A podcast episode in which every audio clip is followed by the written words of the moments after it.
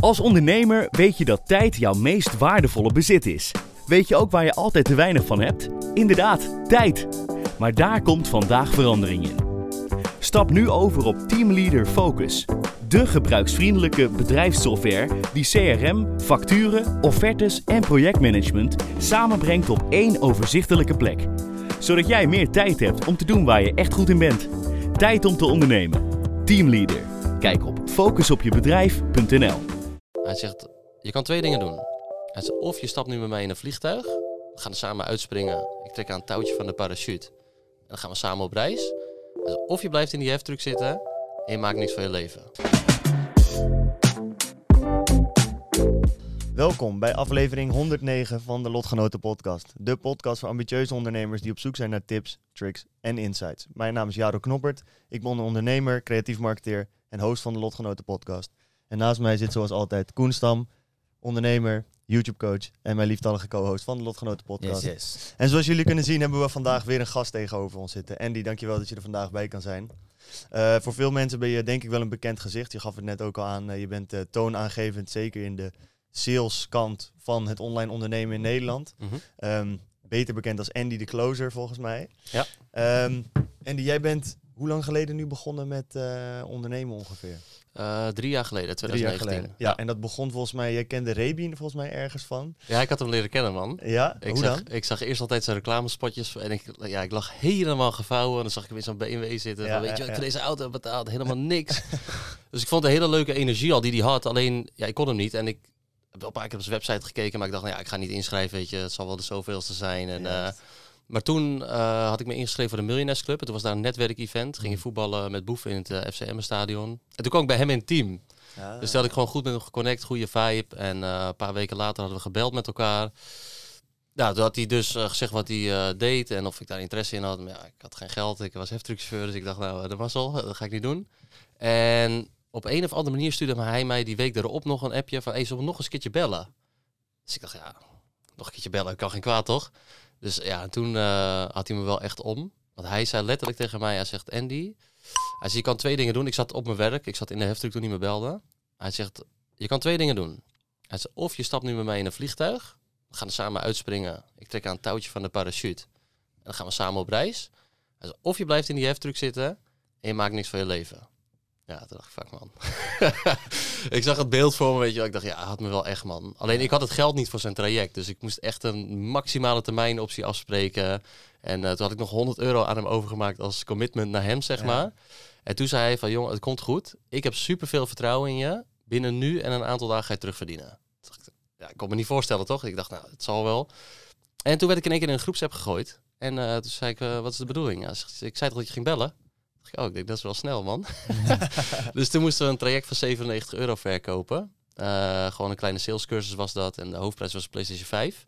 En nou, ik heb een zoontje natuurlijk. En die wou heel graag die PlayStation 5. En normaal als dat uitkwam, kocht ik het altijd gelijk als eerste. Ik moest het hebben gewoon. Oh ja, die dingen waren niet leverbaar.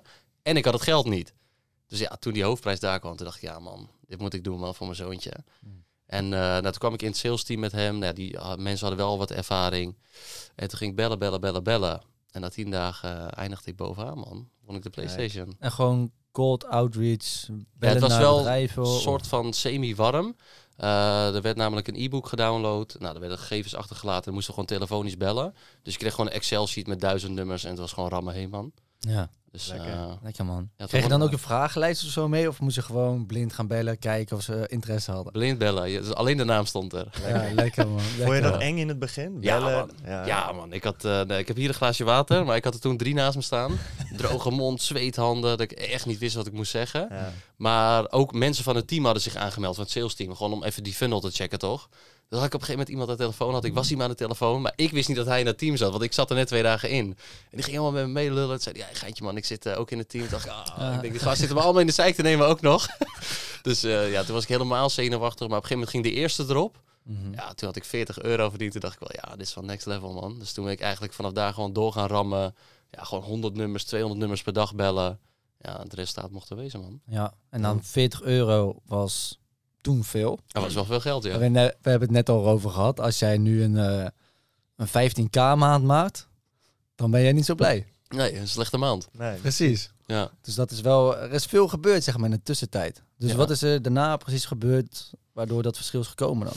Ja, er is heel veel gebeurd. Ik had toen natuurlijk de challenge gewonnen. En nou, ja, toen ben ik gewoon wel iets meer doorgegroeid. Dus gingen we wat grotere producten verkopen, wat duurdere. En toen kregen we een nieuwe challenge. Eh er moest een product van 500 euro verkopen. En degene die het meeste sales zou maken, die zou worden overgevlogen naar Bali. Eh, je moest wel minimaal 30 sales maken. Nou, die challenge won ik ook. Nee. Ja, dus toen maakte ik 33 sales in een week tijd. Nou, dan kreeg ik 100 euro eh, Ja. per sale. Dus toen pak ik 3300 euro in één week. Nou, En, en hoeveel waren de producten? Was dat ook weer 97 euro? nee, was 500 euro. Oh, dat was 500 euro, Ja. sorry. Ja, en nou, toen pakte ik 300, 3300 euro in één week. Nou, normaal deed ik 40 uur per week werken en pakte ik eh 2400 euro. Ja. Dus ja, toen werd ik overgevlogen naar Bali en daar is het eigenlijk eh, ja, echt groot geworden. Want toen ja, zat ik daar met Rebien, met Jappie Chest, met Charuan, echt met de grote ondernemers. Waar je eerst, laat maar zeggen, een soort van, ja, een beetje een raar woord, fanboy was. Weet je wel, je zag eerst, nou ja, vanuit de heftruck zag ik die filmpjes, die advertenties. Ja, dacht ik echt van, mooi, die gasten hebben droomleven, man. Waarom ik niet? Ja, en eh, anderhalf jaar later zat ik met ze in die villa. Mhm. Dus toen is het heel hard gegaan. Toen ben ik echt eh, de rechterhand van Rebien geworden. Hebben we echt één op één samengewerkt. Eh nou ja, steeds duurdere producten verkocht. En ja, zo is het eigenlijk wel groot geworden, man. Denk je dat jij zelf talent had ervoor? Of is het gewoon puur gewoon knallen geweest? Ja, ik vind talent een beetje eh, lastig. Ik zeg altijd gewoon hard work, dedication, man. Want kijk, ik kwam in het sales team en er zaten ook mensen met saleservaring. En ik had geen ervaring. Alleen waar hun misschien een beetje laks waren, dat ze dachten van ja, dat is een nieuwe jongen, weet je, laat maar even gaan. Ja, hun belden misschien 20 nummers per, dag, maar ik 100 aan 200. Snap je? Mhm. Dus dan is het ook niet zo gek ja, dat je sneller gaat ontwikkelen en Ja. dat je die challenge uiteindelijk wint, weet je. Dus ik zeg ook tegen mensen, ja, talent bestaat wel, maar als die het werk er niet in stopt en jij hebt iets minder talent, maar jij werkt twee keer zo hard, ja, dan ga je veel succesvoller worden. Ja. Ja, eens. Ik ben het daar denk ik wel mee eens. Ik ben wel heel benieuwd, want je gaf al aan, je, had, eh, je hebt kids ook. Ja. Je had een fulltime baan waarschijnlijk. En daarnaast ging je nog 100 tot 200 mensen bellen. Wanneer dan? Ja, in de avond, man. Gewoon allemaal in de avond Ja. eh, er doorheen stampen. Hoe, hoe zag je dag er dan uit? Hoe laat stond je op? Eh, hoe, want ik kan me voorstellen dat dat wel een periode van grind is geweest. Ja, dat was wel grinden, ja. En eh, mijn vriendin was het helemaal zat, want ik had daarvoor al eh, dropshippen geprobeerd, e-mail marketing. Weet, ik had nou, een paar duizend euro in cursussen gestopt. Ja. Dus ik had niet verteld dat ik deze cursus van Rebien had gekocht. Want Ja, ik denk, ja, als ik ja, hiermee ja. thuis kom, ik denk, die gaat me afmaken, man. Die gaat zeggen van, is al de zoveelste, niks is gelukt. En, Ja. Dus ik dacht, ik zeg gewoon niks. En eh, nou, ik had dus die fulltime baan. Maar daarnaast was ik ZZP'er geworden als personal trainer. ja. Dus ik stond er vijf uur op. Nou, ging ik naar de sportschool eh, tot zes uur. En dan van zeven tot vier werken. Dan van half vijf tot acht uur gaf ik privétraining. En van kwart over acht, half negen tot een uur of elf s'avonds ging ik bellen, man. En in het weekend ook volop bellen. Kijk, en dat bedoel ik te zeggen ook met mensen die zien nu bijvoorbeeld mijn Instagram of TikTok of weet ik veel. En dan denk van zo, droomleven, man. Die hebben echt mazzel gehad, weet je. Die hebben echt geluk. Ja. Alleen dit hebben ze nooit gezien, weet je. Dus ik had gewoon nou, in principe drie, ba- drie banen, drie kinderen, een vrouw. Ik heb letterlijk alles opgeofferd. Zij moest gewoon het weekend alleen weg met de kinderen en zo. Dus zei ik van, ik moet echt bellen, bellen, bellen. Ja, nu zitten we hier, man. Dus het is wel... eh. Hoe, ik ben daar wel heel benieuwd naar, want ik heb ook al best wel lange relatie. En ik herken wel dat je soms situaties hebt waarin ik gewoon, zij support mij, zij steunt ze. Alleen er zijn ook wel momenten dat ze denken van ja, wanneer ga je het nou een keer waarmaken of zo, weet je wel. Van wanneer, jij zegt zoveel en ik zie ook wel dat je veel doet, maar... En hoe, hoe ben je daarmee omgegaan? Want dat kan ik me voorstellen dat het best lastig is Ja. op momenten. ja, ik gebruik dat als motivatie, man. Ja, Ik vind het best wel lekker als mensen mij gaan haten, zeg maar. Of als ze gewoon iets tegen mij hebben of zo. Dus nou, zij had het op een gegeven moment ook. Ik had dropshippen geprobeerd, e-mail marketing, andere cursussen. En zij zei ook van ja, ik vind het heel leuk. En ik ben heel dankbaar dat je dit wil doen voor ons. Maar niks lukt. nee. Ja. en dan voel je je mislukkeling. Ja, denk je man. Fuck man, ze hebben nog gelijk ook, weet je. Ja. Wat ben je aan het doen? Dat is wel pijnlijk, hè? Ja, dat is wel Ja, pijnlijk. Als ja, man ja. zijnde, maar ook als je nog kinderen erbij hebt. Dan Ja. ga je jezelf aankijken in de spiegel en denk Nog meer van, verantwoordelijkheid. ja, ik ben eigenlijk wel een mislukkeling. Want je man. zit een beetje met je hoofd in een soort van wolken. Helemaal door de cursussen. Ze zeggen ook, het gaat je lukken, je moet gewoon pushen, doorgaan. Dus je zit wel met je hoofd ergens daar dat het gaat lukken. Dan heb je wel een vrouwtje om je heen of andere mensen om je heen die zeggen van... hé, maar luister, je staat nog hier, hè. Gewoon met Ja. beide voeten op de vloer. Is dat, denk je, juist goed? Want het heeft je wel gemotiveerd. Kan het ook slecht zijn? Want dat horen we vaak toch, dat mensen die om je heen niet zeg maar hetzelfde... ehm, ja, helpen om te gaan pushen, dat dat juist je tegen kan houden. Ja, het ligt eraan hoe je ermee omgaat. Of je ziet het als motivatie, of eh Ja, je dat ziet het niet zo, weet je. Dat is echt een Ja. stukje mindset, man. Ik, ik gebruik het echt als motivatie, dat ik echt tegen haar dacht van, oh, wacht maar. Weet je, ik zal je laten zien ook. En daarom had ik niks gezegd van die cursus van Rebi dat ik dat gekocht had. Ja, wat- dat, wat ik net zei. Ik denk, als ik daarmee thuis kon, dan maakte ze me helemaal af. Dus eh, ja, ik gebruik dat gewoon puur als motivatie om gewoon te grinden, man. En toen maakte ik die sales en zo. Toen verdiende ik die 2500 in 10 dagen. Toen zei ze ook van, ja, maar hoe kom je bij deze gozer? Ja, ik zeg, ben ik gewoon ergens tegengekomen. Ik zeg, vroeg Ja, of ja, Torre wou ja. werken, weet je wel. En later had ik het wel gezegd. Ja, Maar eh, nee, ik gebruikte dat als motivatie. Maar, maar ik moet zeggen, het is wel af en toe lastig, man. Om daarmee om te gaan, weet je. Als zij dan eh, ja, dat zegt, dan denk je wel van, ja, misschien ben ik ook wel misselijk. ja, ja, tuurlijk. Ja, het is, je hebt haar mening hoog zitten ook, denk ik. Toch? Ja, tuurlijk, Dus man. De persoon van wie je zo'n beetje het meest houdt. Die Ja. dan toch misschien op dat moment niet het beeld ziet dat jij wel ziet of zo. Ja. Maar hard dat je daar doorheen gepusht hebt. Want ik denk dat ze het nu wel kan zien. Ja, nu ziet ze het wel. Alleen het is voor haar ook moeilijk eh, om dat te zien, omdat zij niet helemaal begreep waar ik mee bezig was. Weet je, zij bijvoorbeeld helemaal niet die mindset. En ik vind het totaal helemaal niet erg, zeg maar. Dus zij be- begreep het ook niet, weet je. En ik had het al visueel voor me gezien van, oké, ik ga dit bereiken, ik ga dat bereiken. Ja, zij zegt alleen maar van, eh, ik weet het niet, vriend, maar het kost alleen maar geld. Ja. Hoe lang was je dan bezig met het dropship en zo daarvoor? Ja, dropship had ik heel even geprobeerd. Eh, ik had op een gegeven moment mijn shop staan. Alleen toen keek ik in die Facebookgroep. Zag ik mensen kregen doodsbedreigingen. Omdat ze mensen zagen dat bij AliExpress vandaan kwam. Ja. Foto's werden van voordeuren gemaakt en zo. Nee, ja, toen dacht Ja. ik, bro, ik denk voor eh, dat beetje geld. En ik was ook niet zo technisch weggelegd met computers en zo. Dus toen dacht ik op een gegeven moment, ja, het is veel veel werk, man. Ja, man. Weet je, dus toen ben ik daarmee gestopt. Nou, e-mailmarketing was nog ingewikkelder. Dacht, dat ga ik ook niet doen. Zo, En als je zegt dat je niks van techniek weet. E-mailmarketing kan toch een partijtje technisch Ja, zijn? mooi. Nou, dat is niet normaal. ja, nou ja, daar kwam ik dus ook achter. Kijk, Ja. en je komt altijd achter dingen door te proberen. Ja, Snap je? Dus ik bleef het wel proberen. Maar ja, op een man. gegeven moment is het geld ook op. Ja, Snap je? Dan denk je van ja, dat is een nu? issue, inderdaad. Dat is voor veel mensen een issue, ja, man. Ja. En ehm, kijk, ik had het toen ook, ja, met Rebin. Ik had het geld niet, weet je. Maar gewoon omdat hij zo ja, coulant was en omdat hij in mij geloofde. En met die termijnoptie, ik had ook kunnen kiezen om het niet te doen. Maar ik dacht echt bij mezelf, oké, dit is echt het laatste. Als dit niet lukt, ja, dan geef ik gewoon op. Dan ga ik echt opgeven. Dan Ja. eh, weet ik niet wat voor mij weggelegd is, dan eh, stop ik ermee. Ja. ja, maar hij heeft je wel echt over die streep getrokken. Ja, Ik vind Dat het wel mooi wel dat je dat toegeeft, man. Want er zijn heel veel ondernemers die zeggen van... Nee, ik wist dat dit voor mij gedaan was en ik moest doorpushen, doorpushen. Maar je kan ook echt wel een moment bereiken dat je soms een periode hebt... dat je denkt van ja, misschien is dit wel niet voor mij weggelegd. ja ik zeker, man. Ja, toch? Dat, maar er zijn weinig ondernemers die dat... Ze zeggen altijd, nee, ik heb altijd in mezelf geloofd. En als je dat blijft doen... Maar ik denk dat het op en neer gaat. Er zullen ook gewoon momenten zijn dat je niet in jezelf gelooft. Ja. Ik geloof ook altijd in mezelf. Maar je hebt altijd twijfel in je hoofd. Juist, precies. Altijd. Ja. Altijd. En vooral als je zoveel mislukte dingen hebt gedaan, dan ga je toch aan jezelf twijfelen van... Is dit wel wat voor mij? Ja. Ben ik in staat tot dit, weet je? Alleen, je moet niet opgeven. Dat, is, het, dat is voor de meeste mensen het probleem. Het Mislukt één ding, oké, kan gebeuren. Mislukt de tweede, stoppen ze ermee. Ja. Je kan zo een stukje van je doel af zijn als je doorzet, weet je? Dus daarom zeg ik, kijk, geloven in mezelf doe ik altijd. Maar je hebt altijd momentjes van twijfel. Nu Ja. nog steeds hoor, af en toe.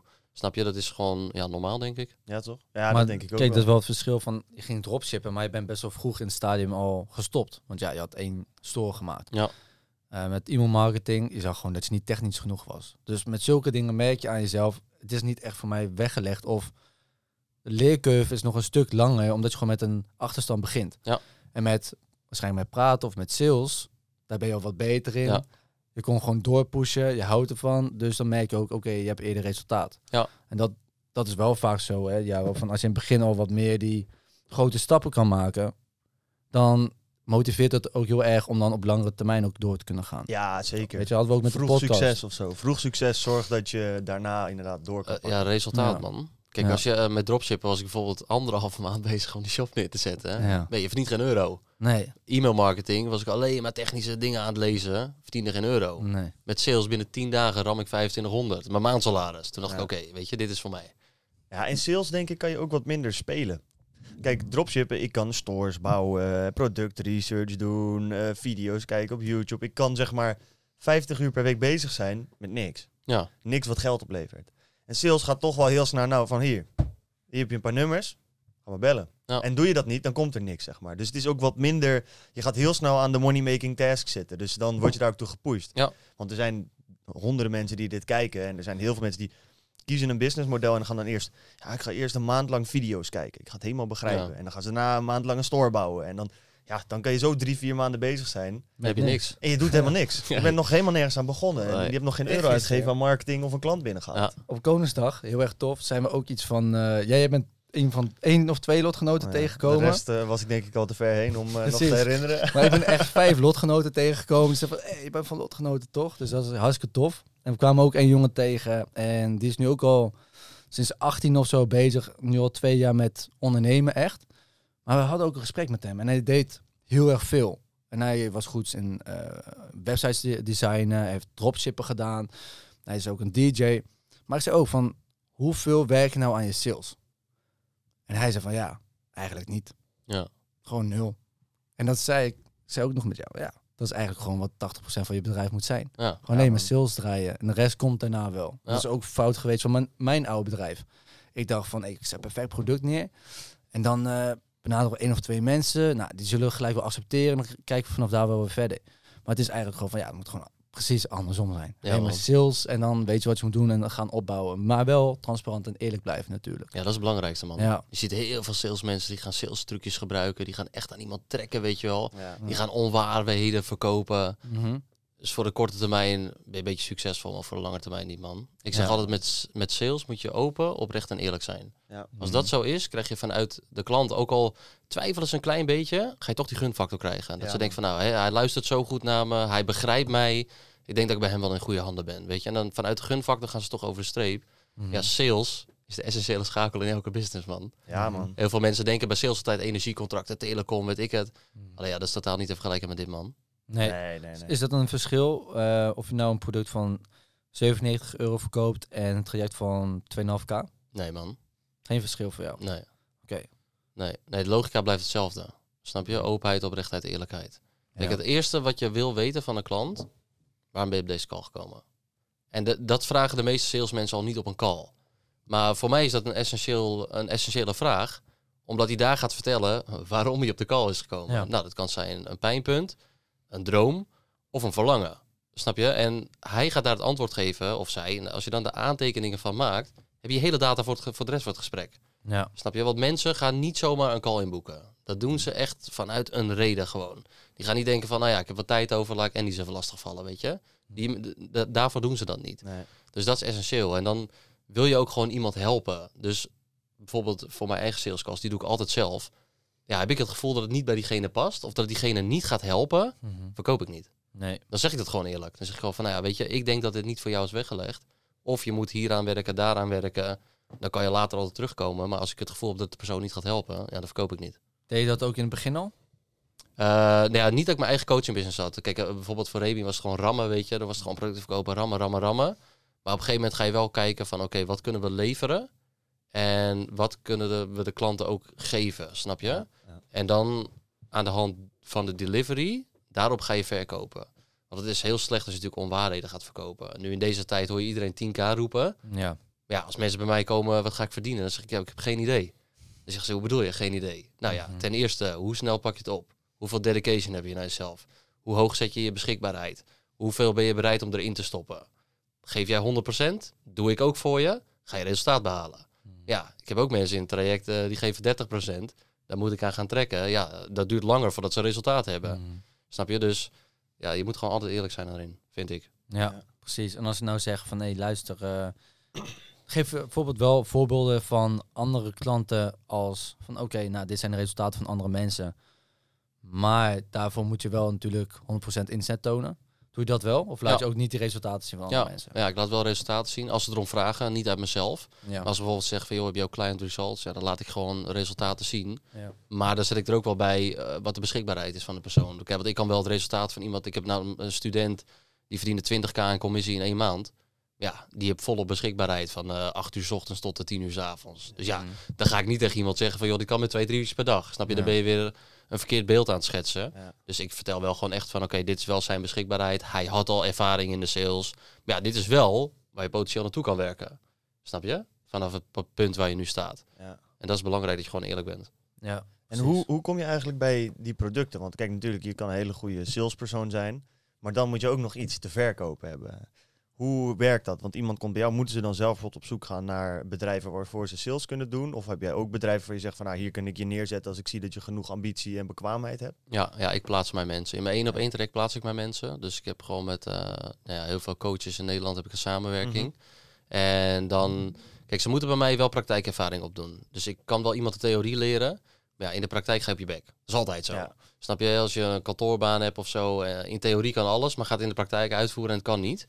Dus ze moeten bij mij echt praktijkervaring opdoen. Als die praktijkervaring goed is, want ik koppel die feedback één op één naar hun terug, krijgen ze van mij een certificering. Met die certificering komen ze pas bij een opdrachtgever. Ja. En dan bij die opdrachtgever begeleid ik ze ook, zodat ze wel gelijk gaan confronteren. En ja, niet dat ik zeg van nou hier heb je een opdrachtgever, de massa bedankt. Eh, ik begeleid ze daar ook, zodat ze wel gewoon echt cashflow genereren. En het is natuurlijk ook voor mijn naam. Hè. Als ik natuurlijk iemand plaats bij een coach en zeg van nou ja, dit is een goede handen er vanaf en die maakt geen sales. Dan gaat natuurlijk ook het praatje rond van nou ben die moet je niet wezen voor salesmensen, Nee, want dat is helemaal niks. Ja, Nee. ja, ja. Ja. En dat praktische eh, kennis opdoen, hoe doe je dat dan? Want je, je plaatst ze niet, ga je dan zelf met ze bellen? Of, of... Nee, ze doen rollenspellen in de communities. Ah, dus eh, ja. het zijn allemaal vreemden voor elkaar in principe. Nou, dan gaan ze dus afspreken van oké, dit is de closer, dit is de klant. Dus ze gaan alle data van tevoren bespreken. Van oké, nou we doen even een voorbeeld. Hoeveel verdien je? Waar loop je tegenaan? Waar wil je naartoe? Hoeveel budget heb je te investeren? Kiezen ze een product uit. Dan gaan ze dat met elkaar gaan ze dat oefenen. En daarna draaien ze de rollen om. Plaatsen ze in het kanaal bij mij. En dan ga ik die checken. En dan koppel ik gewoon de feedback naar hun terug. Van hey, ik zou hier even op letten. Dit doe je wel goed. Ik zou dit even anders doen. Ga daarmee aan de slag. Nou, dan plaatsen ze allemaal rollenspellen. En als het gewoon goed is, dan eh krijg je certificering. Cool, Nice, man. man. Cool. Want is het dan... eh, we hebben het dan over sales. Ja. Gaat het dan over mensen die, die andere mensen gaan bellen of gaan DM'en of mailtjes gaan sturen? Is dat alles? Hoe Nee, ze dat? doen alleen de calls.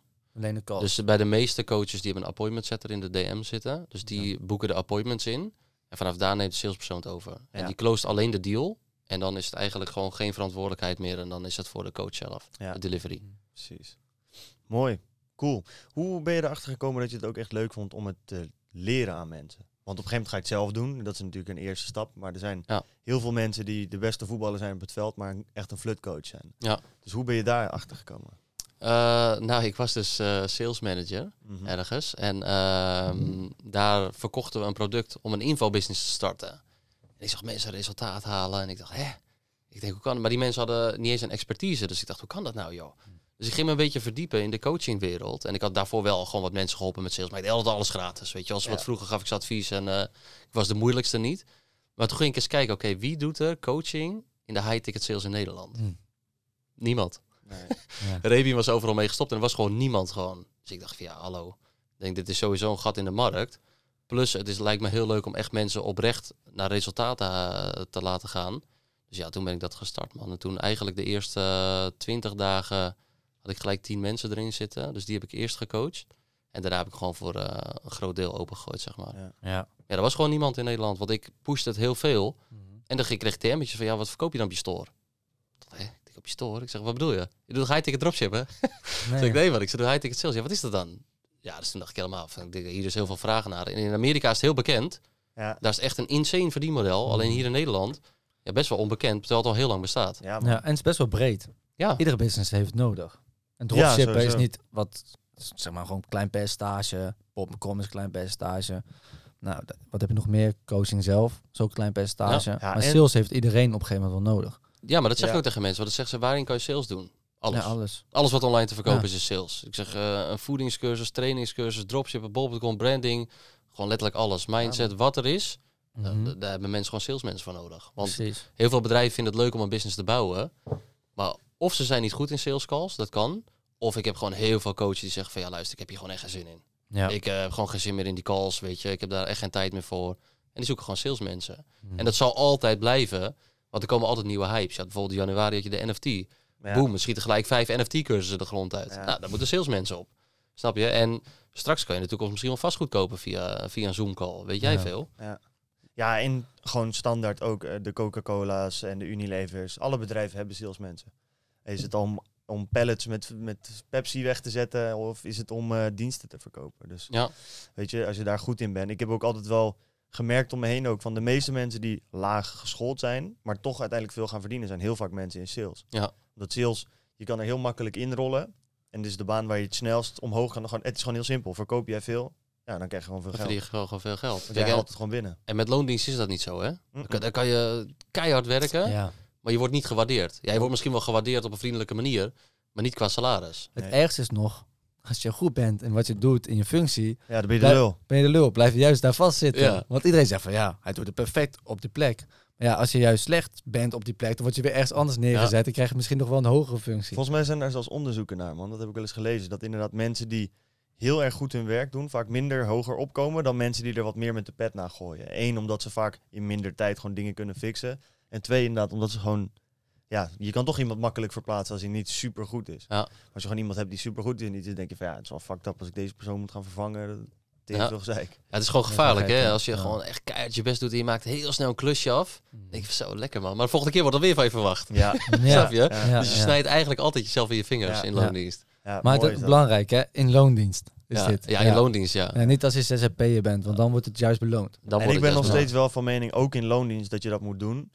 Eén, omdat als je die drive hebt, dan ga je waarschijnlijk toch wel voor jezelf beginnen. En ik Ja. heb voor mezelf ook zoiets. Je hebt een gezegde van, volgens mij, de oprichter van eh, Hot Cheetos. Ik weet niet of je die Mhm. chips kent, een Mexicaan die heel rijk is. Maar die zei ook, die is dus ooit begonnen als schoonmaker bij Cheetos. En die kwam uit de, een beetje die Amerikaans-Latijnse community. En die zag van mensen willen meer spicy chips, heeft dat bedacht. En is nu uiteindelijk, weet ik veel, multimiljonair, omdat hij dat idee als schoonmaker bedacht heeft. Ja. En hij zei ook van, nou, ik heb nooit een dag harder gewerkt als CEO zijnde dan als schoonmaker. Hij zei ik heb altijd geleerd, je moet gewoon al het werk dat je doet, met al je kracht en energie doen. En ik vind dat nog steeds wel iets dat ik Ja, denk van, ja, ik vind dat wel sterk. Dat is gewoon een stukje karakter. Dat is Ja, gewoon, vind ik mooi. al ben ik de toilet aan het poetsen, zeg maar, dan wordt het de schoonste en best schoongemaakte Ja. toilet die er is. Omdat dat de persoon is die ik ben als karakter. Ja, vind ik mooi, man. Vind ik hele mooie gezegde. Ja, toch? Ja. Dat is goed om dat te onthouden. Want ook, heel veel mensen voelen zich vaak ook te goed voor bepaald werk of zo. Ja, maar je bent, oh, nooit, je bent nooit ergens te goed voor, man. Nee, man. Je moet altijd dankbaar zijn dat je iets mag doen. Kijk, dus, eh, bijvoorbeeld met schoonmaken zijn er ook mensen zonder benen, hè? Ja, Die heel graag willen werken. Ja. Die willen schoonmaken, wat niet kan. Snap je? Dus ik vind dat je altijd dankbaar moet zijn ja. voor wat je kan. En dat leer ik ook de mensen, of ik zeg dat heel veel, van kijk eens om je heen, kijk eens wat je hebt. Kijk eens een keertje naar niet wat je niet hebt, zeg maar. Ja. Maar kijk eens wat je hebt, weet je. Je hebt veel meer eh, dan je denkt, zeg maar. En als je daar gewoon oprecht om je heen kijkt, dankbaar voor bent, zit je veel lekkerder in je vel. Ja, dan dat je gaat kijken van, oh, hier hij rijdt in Mercedes, die heb ik niet. Ja. Ja. Maar heb, je, heb jij, want ik wil straks nog wel wat meer ook naar je jeugd gaan en kijken van hoe Mhm. ben je nou eigenlijk gekomen tot je hier bent. Eh, heb je zware tijden gekend als jong, jong kind bijvoorbeeld? Ja, Ja, want ik ben wel benieuwd, want jij bent natuurlijk heel hard aan het werken nu. eh, je doel is waarschijnlijk om miljonair te worden, je familie safe te zetten. Jouw kids zullen dan dus opgroeien in een omgeving waarin er altijd geld genoeg is, je veel op vakanties kan en zo. Hoe ga je er dan om om je kinderen dat ook te leren? Want die hebben geen eikpunt van, oh, ik heb ooit in de shit gezeten, nu heb ik dit, wat ben ik daar dankbaar voor? Ja. Die denken, ik heb altijd goed geleefd. Hoe bedoel je dankbaar voor? Ik, ik, heb, Ja. eh, ik kan niet eens drie keer per jaar op vakantie. Wat is voor gezeik? ja. ja, het is wel grappig, want ik heb eh, toevallig gisteren mijn auto opgehaald. Ik heb hem laten rappen. Oké. En eh, toen moesten we de auto van mijn schoonmoeder lenen. Dat was een wat oudere auto. En mijn zoontje stapt in die auto. Hij zei, ik vind die auto niet mooi. ik zeg, oh ja, ik zeg, dat kan. Ik zeg, maar weet je eigenlijk wel dat je heel blij moet zijn met deze auto? Hij zegt, zo. Ja. Zeg, anders moet je lopen. Zeg, deze auto, ik zeg, zit er droog? Ik zeg, hij heeft wielen. Hij brengt ons van A naar B. Dus je moet eigenlijk heel blij zijn dat we deze auto mogen lenen, toch? Ja. Ja, ik vind het toch wel een mooie auto. Weet je wel, dat is kinderlogica ja. dan. Ja. Maar ik leer ze het wel echt te kijken. Ja. En ook met geld. Als hij bijvoorbeeld van mij geld krijgt, moet hij altijd 20% apart houden. Mhm. Altijd. Mm, En dat leg ik gewoon opzij in zijn spaarpot, weet je wel, wat hij niet weet. Eh, hij weet niet hoeveel erin zit, laat me zeggen, in zijn spaarpot. Maar dat leg ik altijd apart in zijn spaarpot, dat hij later kan kijken. Dat hij denkt van, oh ja, dat is wel slim. Ik moet wel geld aan de kant leggen. Ja. En ik, ja, ik wil niet zeggen, ik leid ze op, zeg maar. ja, dat zeg je sneller in Ja. eh, business termen, zeg maar. Maar ik voed ze wel heel ondernemend op. En bedoel ik niet dat ze echt moeten ondernemen, maar wel wat betreft mindset en zo. Ik ging een keertje met hem skileren. Nou, viel hij drie keer, zei hij, ja, kan niet skileren. Nee, ik zei, klopt. Hij zei, wat bedoel je? Nou, ik zeg, je zegt dat je niet kan skileren. Ik zeg, dan kan je ook niet skileren. Ik zeg, maar als jij nou eens gewoon goed stevig op je benen gaat staan. Ik zeg, je borst vooruit doet en je zegt, ik kan skileren. Ik zeg, ga dan eens skileren. Hoppa, hij skilert weg. Ja. Ik zeg, zie je? Ja, ja, ja. Ik zeg, dat zijn kleine dingetjes. Ik zeg, je bent wat je denkt. Altijd. Mhm. Nou, dan lag je in bed. Pap. Ik zeg, ja, ik ben wat ik denk, toch? Ik zeg, ja. Dus morgen Ja, moet dat hij afzwemmen man. voor zijn B-diploma. Ja. Ik zei vanmorgen, ik zeg, ga je hem halen? Ja, ja, ik ga hem halen. Ik zeg, goed zo. Hij zei, maar ja, wat als ik alles fout doe? Nee, ik zeg, nee, nee. Ik zeg, ga je hem halen of niet? Ja, ja, ik ga hem halen. Ja, dat soort dingen. Zo voed ik ze gewoon op. En van mijn part gaat hij in loondienst werken straks. Ik, ik heb niks tegen loondienst ook, hè. Want dat wordt altijd, eh, mensen denken gelijk dat je als ondernemer daar wat tegen hebt. Ik ben altijd zo, als je gepassioneerd bent over wat je doet, je doet het met volle passie, je hebt er voldoening uit. Prima, toch? Ja, man. En ik- dat heb ik ook met hem straks. Gaat hij eh, in loondienst eh, als schoonmaakster, maar hij vindt schoonmaken helemaal te gek. Ja. Ja, daar ben ik blij voor, man. Ja, toch? Ja. Ja, kijk, aan de ene kant, als mijn kinderen zeg maar iets doen wat ze heel erg leuk vinden, helemaal geweldig. Alleen zie je nu wel tegenwoordig dat je steeds minder kan kopen met die 2 of 2.500 euro die je dan verdient in, met zo'n Ja. loon. Met zo'n loonsalaris. En dan kom je wel in de problemen dat je misschien wel passie hebt voor je werk, maar dan wordt het moeilijk om bijvoorbeeld je familie te onderhouden. Ja. En dan komen die uurtjes weer erbij. Ja. Dus het, aan de ene kant vind ik het wel heel goed als mensen gewoon doen wat, waar ze passie voor hebben. Aan de andere kant denk ik ook wel van, ja, je moet natuurlijk ook gewoon iets doen wat gewoon lekker geld verdient, want dan heb je vrijheid en dan kan je doen wat je wilt. Ja, en daarom moet hij straks, als hij 18 is, die spaarpot, dan moet hij of in de aandelen of in de crypto stoppen gelijk. Zodat Ja. dat in ieder geval aan het werk gaat voor hem. En ik zou hem wel altijd adviseren, maar ik denk wel dat hij, dat hij ook sales gaat doen, want hij zit nu al met mij af en toe salescalls te oefenen. Nee joh. Zit hij boven op zijn tablet, dan gaat hij mij FaceTime, heb je koptelefoontje op, ik zo, Ja. gaat hij bellen. Ja joh. Uh, maar stel hij gaat in loondienst, zou ik hem wel altijd adviseren om een side business ernaast te doen. ja. Gewoon in de avonturen gewoon wat voor jezelf erbij te doen. En explodeert dat of heb je er heel veel passie bij dat je denkt ik wil dit volop doen. Zou Ja. ik hem overal bij helpen. Dus maar ik denk wel dat hij de sales in gaat man. Ja, Ja.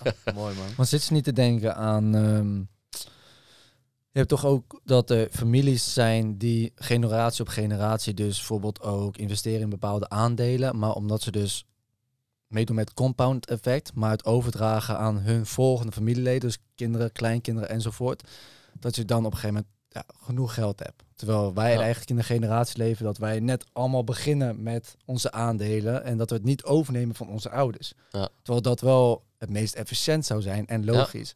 Want het verschil tussen op als 20-jarige gaan beginnen met ondernemen en 30 kan alweer iets van 700.000 euro schelen in 30 of 40 jaar. Ja.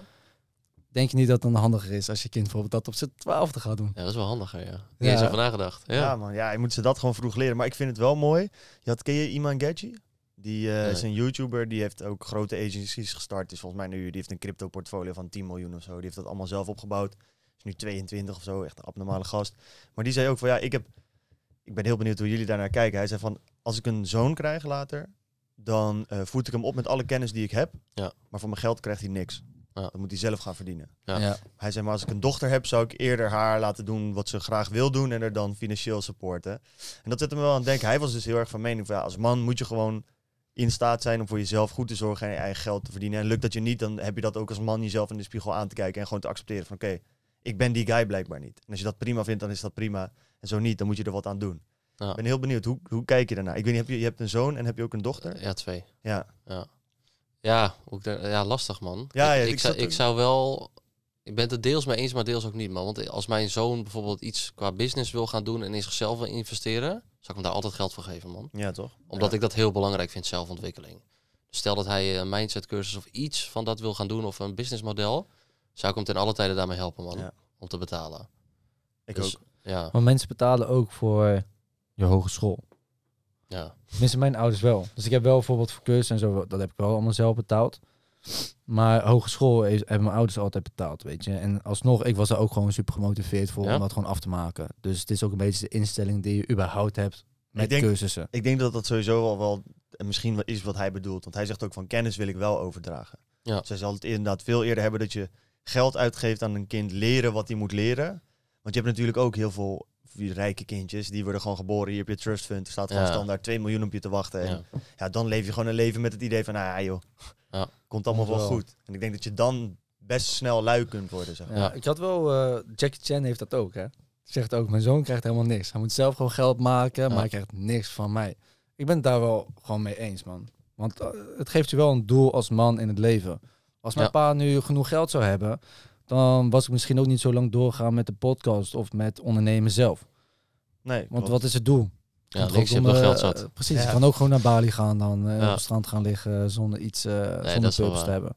Dus ik denk wel dat het gewoon goed is om dat wel, ja, ja, maar je zoon sowieso mee te geven. Dochter vind ik nog wel lastig inderdaad. Ja, dat is wel lastig, man. Dochter vind ik lastig, man. Omdat Ja, het d- wel ja anders is. maakt het lastiger. Ja, want het- dat is wel zo. Een vrouw zoekt wel naar een man met status. Of status kan natuurlijk zich uiten in, eh, in of je natuurlijk een expertise ergens in hebt, of geld ergens in hebt, of een goede locatie hebt. Dus ja, wil je dat een vrouw afhankelijk gaat zijn van iemand met geld? Nee, man. Nee, dat, dat wil je niet inderdaad. Ze moet wel, ja, ik weet, je hebt de- heb je de, het boek The Way of the Superior Man gelezen? Ja. Ja. dat gaat heel erg over de balans tussen masculine en feminine energie. En het kan heel goed zijn dat er een vrouw is met een masculine energie en een man is met een feminine energie. Maar vaak is het mannen hebben ma- masculine energie, Ja. vrouwen feminine.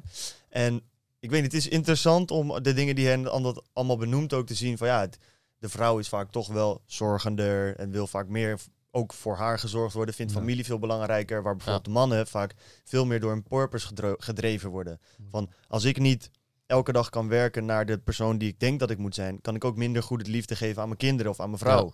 Want als mijn vrouw zou zeggen, nee, je moet gewoon eh, er veel zijn en zo, dan ga je er een soort van altijd wel kwalijk nemen van ja, maar eigenlijk Ja. wou ik dit doen. Maar ja, door jou mag dat niet, zeg maar. Je ziet heel veel mannen die dat hebben. Ja.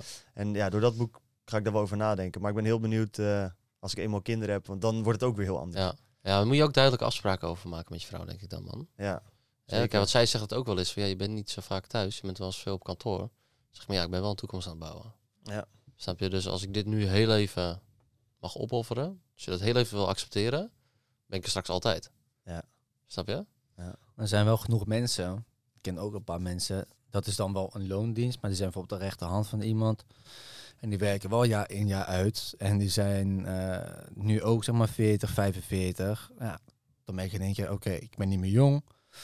Eh, wat ik nu doe is zijn mijn kinderen opvoeden. Verder werk ik nog, maar het werk is eigenlijk niet echt afgenomen. Ik weet nog steeds zeg maar 70 of 80 uur in de week. Want ja, dat is de positie die ik de afgelopen jaren heb ingenomen. Dus dat heb ik ook zeg maar opgebouwd. Ja. Dat heb misschien ook wat meer als je dus in loondienst zit. Dat je op een gegeven moment in klem komt te zitten.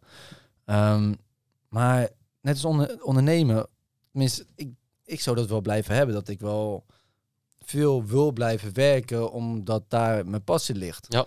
Ik voel me echt kut als ik een week eh 30 uurtjes werk. Ja, ik ook. Ik denk echt, van, ja, wat heb ik met mijn tijd allemaal gedaan? Ja. Het net nog over Koningsdag. Ja, we hebben wel gefeest.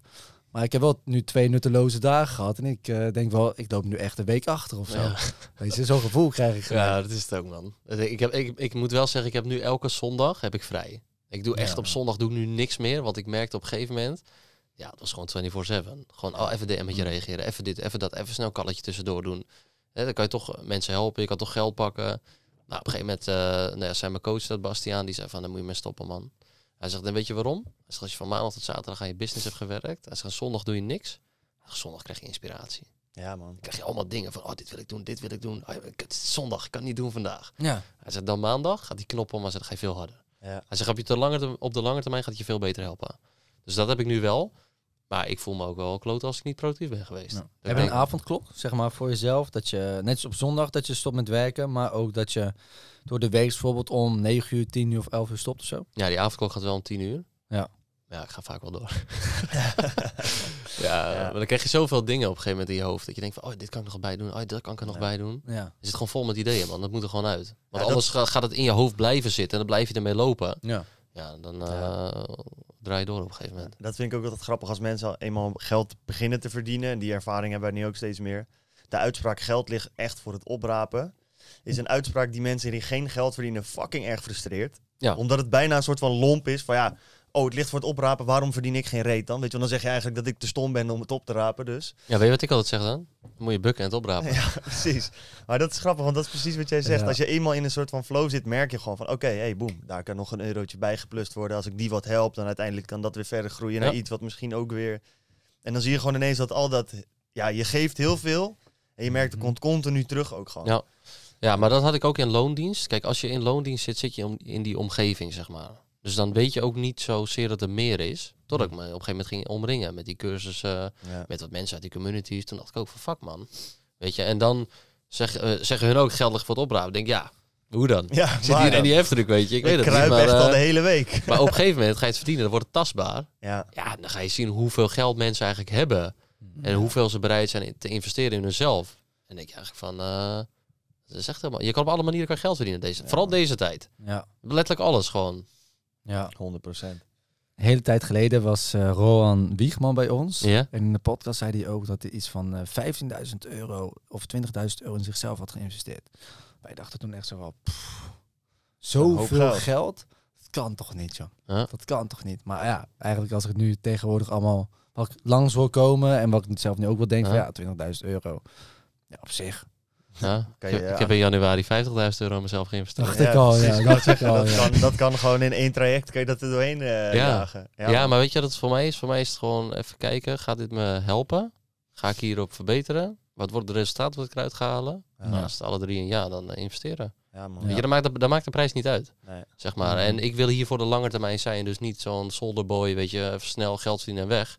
als je echt een imperium voor jezelf wil bouwen, echt een business wil bouwen, ja, dan moet je investeren in jezelf. Mhm. Zeg, ik had in januari 50.000 euro geïnvesteerd, februari is het terug. Snap Ja. je? Dus dat is het resultaat van risico durven nemen. Heb je ook niet ge- tegen je vriendin gezegd? denk Ja, wel. Ja, die, vond, die vond wel veel geld. Ja, ja, ja. Ja. Ja, dat is ook mooi. Hè? Als je dan op een gegeven moment gaat vertellen, ja, ik heb zoveel, zoveel hierin. Ja, maar weet je, Sorry, wat, nog één keer hoeveel? ja, maar weet je wat het is? Kijk, zij heeft niet de mindset, zeg maar, die ik heb. En dat maakt niet uit, want ik ben echt heel dankbaar met haar, want ze zorgt voor de kinderen. Nou, dat is nog veel zwaarder dan eh business runnen Ja, voor mij. ja. Dus zij begrijpt dan ook niet met welke intentie ik zou... 50.000 euro? Ben je helemaal goed geworden of zo, joh, gek. Ik zeg, ja, maar ja, dit en dat. En, maar zij kan zich dan, dan niet voor de zien. Nee. Ja, dan heb je het resultaat. Dus ik ga, oh, een goede investering. Ja. Ja, ja, ja. Ja, ja, mooi ja. is dat. Ja. Ja, ja, Maar dat is lastig, joh. Maar hoe weet jij dan... ehm, heb je naar meerdere opties gekeken om te gaan investeren? Of heb je gewoon één, één persoon gehad? Ja, één persoon, ja. man. Oké. Ik, ja, had, ik had al een traject bij hem gedaan voor 6000 toen. Ja. Ja, die was zo goed. En toen zag ik de resultaten van zijn mastermind klanten. Ja, toen dacht ik, fuck man, ik denk hier moet ik bij zitten man. Maar hij was eerst 36k. Dus toen dacht ik van, ah, 36k. Ik denk, ja, ik stuurde hem een berichtje. Ja, het is verhoogd naar 50k, maar ik denk, kut. ja, maar ja, ik dacht, ik moet wel man. Ja. Als ik echt eh, grote jongen wil worden, moet ik wel man. Ja, precies. Moet je, niet- moet je niet op bezuinigen man, in jezelf investeren vind ik. Ja, ik ben wel benieuwd, hè. Ehm, ik merk dat er in Nederland echt een soort van twee partijen zijn. Ehm, aan de ene kant krijg je nu heel erg de Amerikaanse ondernemers.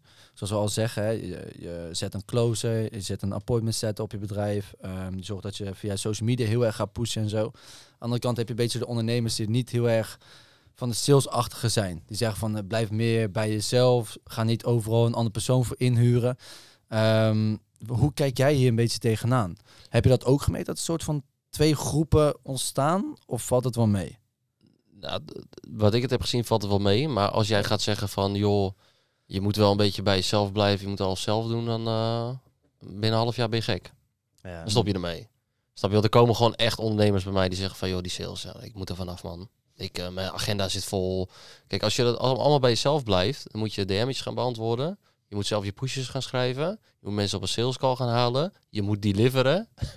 er komt echt veel bij kijken hoor. Dus je kan beter wat werk uit handen nemen. Dus bijvoorbeeld appointment setter aannemen en een closer.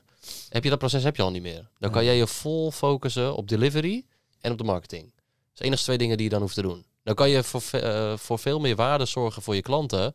Dan dat jij eigenlijk alles gaat afraffelen en zegt van ja, sorry, maar ja, ik heb het heel druk met sales calls. Ja. Ja, hallo, ik heb net 4000 euro in jou geïnvesteerd. Eh, ik verwacht wel een beetje werk van je. Ja. Snap je, dat soort dingen, dat is gevaarlijk. Dus je kan beter uitbesteden, is mijn mening.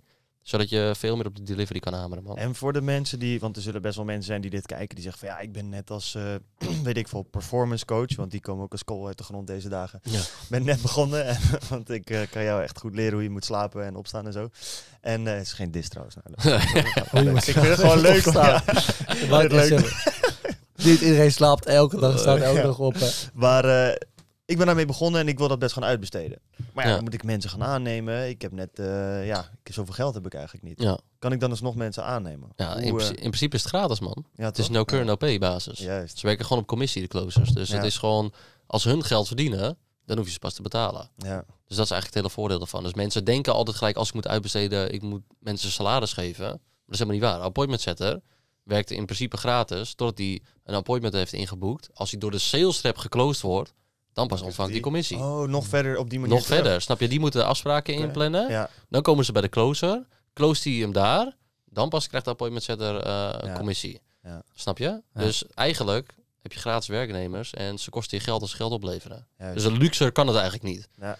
Snap je? Ik zeg altijd tegen mensen, ja, salesproces moet je gelijk uitbesteden, man. ja, man. Eerste paar sales calls moet je wel zelf doen. Een beetje Wat- gevoel krijgen. en Een zo. beetje het gevoel krijgen. En dan krijg je ook een beetje objections naar je hoofd. Dan denk je van, oké, misschien moet ik hier wat meer aan werken. Mensen twijfelen hierover. Ja. Maar ja, als je die data hebt, dan zou ik gewoon eh, zo snel mogelijk uit handen nemen. Leuk man. Ja. En als mensen nou zeggen van, hé hey, eh, Andy, ik heb wel interesse. Is het zo dat jij per persoon kijkt wat voor prijs diegene moet betalen, omdat het best wel persoonlijk kan zijn? Of zeg je van, nee, ik heb altijd wel een standaard prijs ervoor? Ik heb drie trajecten. Ja. En aan de hand van de investeringsruimte en de positie waar diegene staat, filter Mhm. ik dat. Dus laat maar zeggen, mijn duurste traject is 4000, Ja. goedkoopste is 500. Ja. Maar heb ik het gevoel dat die 500 beter bij iemand past, in plaats van die 4000 en die persoon heeft 10.000 euro te investeren, Ja. zou ik altijd die van 500 adviseren. Ja. Heel veel mensen gehad, die hadden al gewoon echt 3.000, 4.000 euro investeringsruimte. Dan Dan zei ik gewoon van, nou, als ik naar jouw positie kijk waar je nu staat. Want die hadden bijvoorbeeld weinig tijd, weet je wel. Kijk, in het één op één traject, 60 dagen gaan we vol gas rammen. Binnen 60 dagen haal je resultaat. Ja. Maar ja, als jij druk bent, je zit in loondienst, s'avonds doe je dit erbij, heb je daar geen tijd voor. Ja, dan wil ik eh, best wel geld verdienen, maar dan verdien ik liever 500 euro. Dat jij je op je eigen tijd daarmee gaat ontwikkelen. En dat je dan op een gegeven moment zegt van, oké, ik heb nu wat munten verdiend, ik heb wat meer vrije tijd, ik ben hier s'avonds mee gestopt. Kan je altijd upgraden.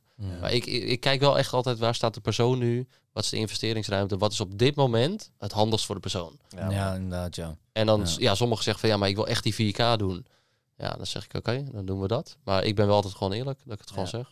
Ja, en het is dus zo dat bijvoorbeeld je hebt dus een eh, eh, iemand heeft een eigen bedrijf en die zegt niet, die gaat dus zelf niet coaching bij jou afnemen, maar het is zo dat dus een misschien iemand die hij zelf kent of iemand die jij kent, dat jij diegene gaat trainen zodat diegene voor hem kan gaan werken, Ja. toch? Ja, Ja. oké. Ah, ja, precies. ja, ja, Snap je? Ja, ja, ja, ik zat dat Oh, doet zo, ja, ja, ja. ja, ik was even aan het rekenen. Ik was het even allemaal in mijn hoofd. Ja, dus ik leid eigenlijk gewoon mensen vanaf scratch leid ik helemaal Ja. op. Maar Ja. er komen ook gewoon bedrijven bij die zeggen van joh, ik heb een sales rep. Ik wil dat die wat beter gaat converteren, kan hem opleiden. Ja. Dan doe ik dat ook. Ja, dus en dat kan ook het verschil zijn tussen iemand, ik wil zelf een salespersoon worden en daar Ja. mijn eigen business in runnen, bij wijze van spreken. Of een business die zegt van, joh, ik heb hier Jantje, die moet gewoon getraind worden en dan op Ja. die manier. Kan op beide manieren. En eh, heb je het boek ehm, Start met helpen, of nee, stop met verkoop, start met helpen gelezen? Nee. Mark Soons? Nee. Ook wel een leuk boek. Leuk Ja. boek. Gaat dus ook heel erg een beetje over wat jij zei van je wilt niet die eh, manipulatietechnieken gebruiken, Nee. maar je wilt wat meer echt mensen gaan helpen. Dus kijk echt van oké, wat zijn hun problemen en dan niet per se wat zijn hun oppervlakkige problemen van ja, iedereen wil meer vrijheid, iedereen Mhm. wil meer geld, iedereen wil meer tijd. Prima. Maar wat zijn nou echt de onderliggende problemen? Wat jij ook wel zegt van ja, je gaat dan diepe vragen. En als je dan drie of vier keer vraagt waarom ze 10.000 euro willen verdienen, dan kunnen ze niet echt meer antwoord erop geven. Ja. Weet je? Dus dan kan jij ze ook niet echt helpen. Ja. Maar ze- daar in het boek staat dan ook wel van oké, ja, als ze dan daar wel goed antwoord op kunnen geven, dan weet je ook gewoon waarom ze iets willen doen. Ja. Dan kun je daarna zeggen van nou, als je dat hun wil, wilt gaan behalen, nou, waarschijnlijk met de producten moet je nog even gaan kijken natuurlijk Ja. of jouw product erbij kan helpen. Maar gaat dit wel echt helpen? Ja. Oké. Ja, want kijk, het is ook zo, als mensen niet weten waarom ze iets willen gaan doen, ga je ook niet succesvol worden. Nee. Snap je? Kijk, ik leg, laat maar zeggen, de weg voor je klaar. Ik zeg dat je links moet, ik zeg dat je rechts moet. Ik begeleid je overal. Maar mijn framework, blueprint, zoals we dat in mooie termen zeggen, werkt niet bij jou. Mm. Jij moet altijd je eigen weg daarin vinden. En dat begint bij de waarom. Waarom wil je Ja. dit gaan doen? Mhm. Ja. Waarom wil je succesvol worden? Waarom wil je meer geld verdienen? Waarom wil je meer vrijheid? Alleen je ziet gewoon, de meeste mensen kunnen daar gewoon niet drie, vier keer antwoord op geven. En kijk, dan kan ik het ook gewoon eerlijk zeggen, weet je. Dan zeg ik van, oké, luister. Het pad ligt voor je klaar. Ik ga je overal begeleiden. Maar je moet wel je eigen weg erin zien te vinden. Dus ik kan een script maken. Ik kan daar heel goed op converteren. Jij kan er heel goed op converteren, maar jij bijvoorbeeld helemaal niet. Dat je denkt van, ja, heb jij nou voor script uitgeschreven, joh? Maar dat, dan past het niet bij jou, snap je? Dus ik zeg ook tegen Mhm. mensen, werk alsjeblieft nooit met een script. Want veel salesmensen die werken ook met een script, die gaan het oplezen. Ja, Maar man. dat is zo slecht. Ja, dat is echt zo. zo slecht.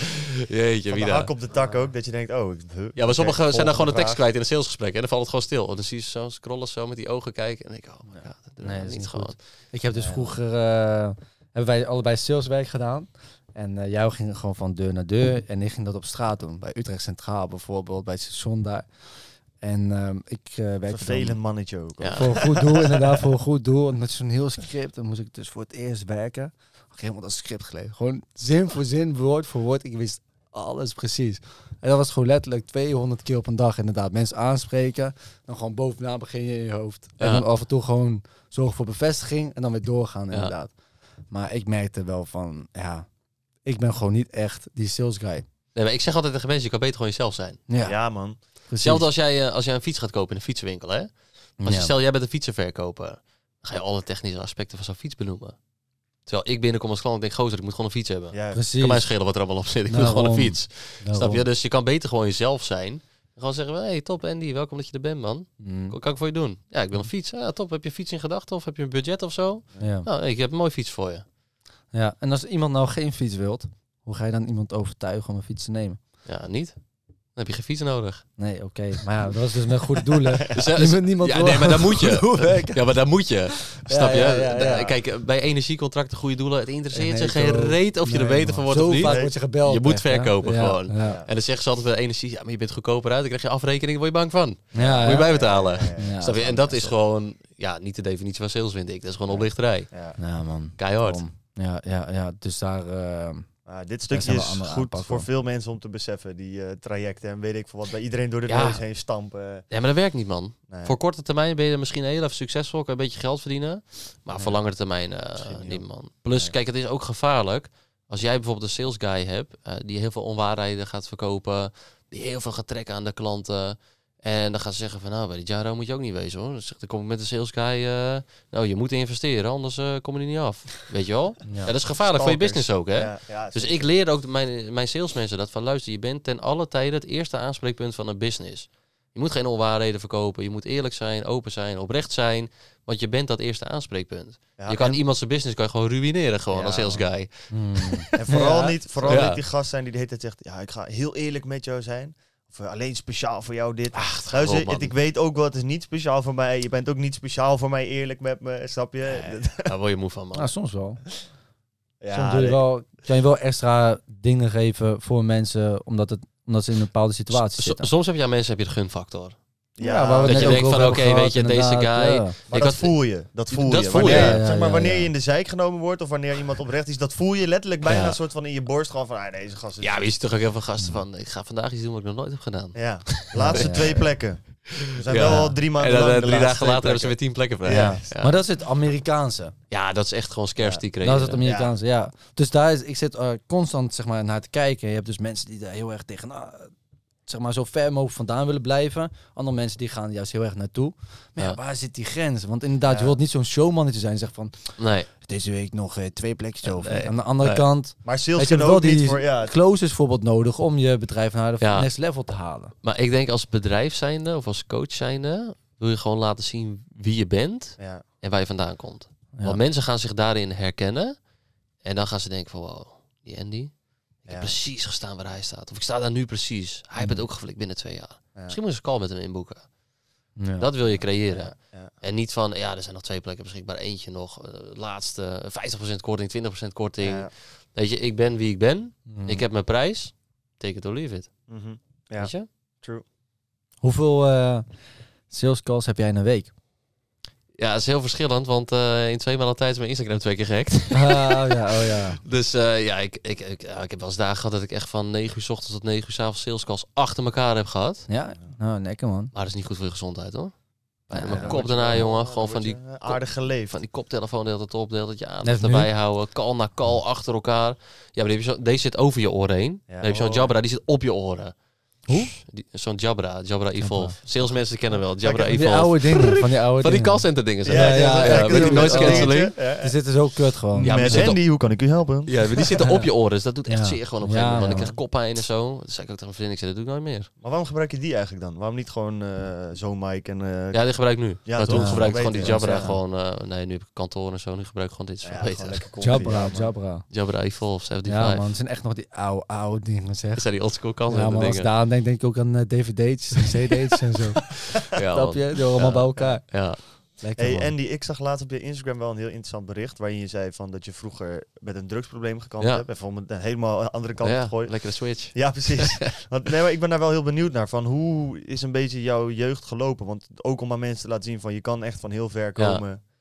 En er toch nog heel veel Ja. van maken. Ik ben wel benieuwd of je daar wat meer over wil en kan vertellen. Ja, natuurlijk. Nee, ik heb gewoon een hele goede jeugd gehad. Mijn ouders hadden gewoon altijd gewoon geld, weet je. Gewoon eh, nooit iets verkeerds of zo. Ik kon nooit iets niet krijgen, zeg maar. Ze zijn niet miljonair, maar ze hadden het gewoon goed voor elkaar. En nog steeds zo trouwens. Ehm, maar op een gegeven moment ga je een beetje met verkeerde vrienden om, toch? Dus ging ik op een gegeven moment met gozer om. Ik had een auto. Ik was net 16, weet je wel, 17. Nou, dus het was natuurlijk stoer dat ik met hem mee kon in de auto. Ja, dan rol je een beetje in zijn vriendengroep, maar die zijn al een stuk ouder. Nou, dan ga je wat dingetjes proberen. Hè? Dat zijn we allemaal Zie try before you een- die. Een jointje. We en beginnen met een eh, jointje, dat is stoer. Ja, dan ga je op een gegeven moment een beetje kook gebruiken. Nou, dan neem je eens een keer een pilletje. Nou, dan neem je eens een keer een nakkie speed, zeg maar. Ja. Ja. En zo ga je er steeds verder in rollen. Ehm, dus ja, dat heb ik toen gedaan. Een beetje MDMA. Gewoon van alles wat. Gewoon even proberen. Maar op een gegeven moment, ik zeg altijd tegen mensen, sluipmoordenaar. Ja. een gegeven moment kikt hij er gewoon in. Dan denk je op een gegeven moment van, eh, op woensdag denk je al van, nou vrijdag, lekker weekend, even pakkie halen. Nou, dan ga je vrijdag als een maloot zitten, zaterdag als een maloot zitten. slaat helemaal nergens op wat je aan het doen bent. En op zondag is het uitbraken, maandag weer werken. Maar op een gegeven moment begint het al op dinsdag. En dan begint het op maandag. En ik van, nou ja, kom op, vanaf de half, halfje krijg ik kwaad toch? Gewoon een half gram, een halve gram, weet je, kan geen kwaad. Ja, en dan ga je dat steeds meer doen en zo. Eh, alleen ja, toen eh, werd mijn vriendin zwanger. Dus toen was het in één keer eh, de knop om. Overal mee gestopt. Alles laten Ja. vallen. Ja, verantwoordelijkheidsgevoel en... Ja, was dat gelijk ja, heel extreem? Ja, man. Ik Ja. kon gewoon niet verkroppen dat bijvoorbeeld mijn kind daar in bed lag. Dat Ja. ik dan om vijf uur 's ochtends nog helemaal doorgejekkerd op de bank zat.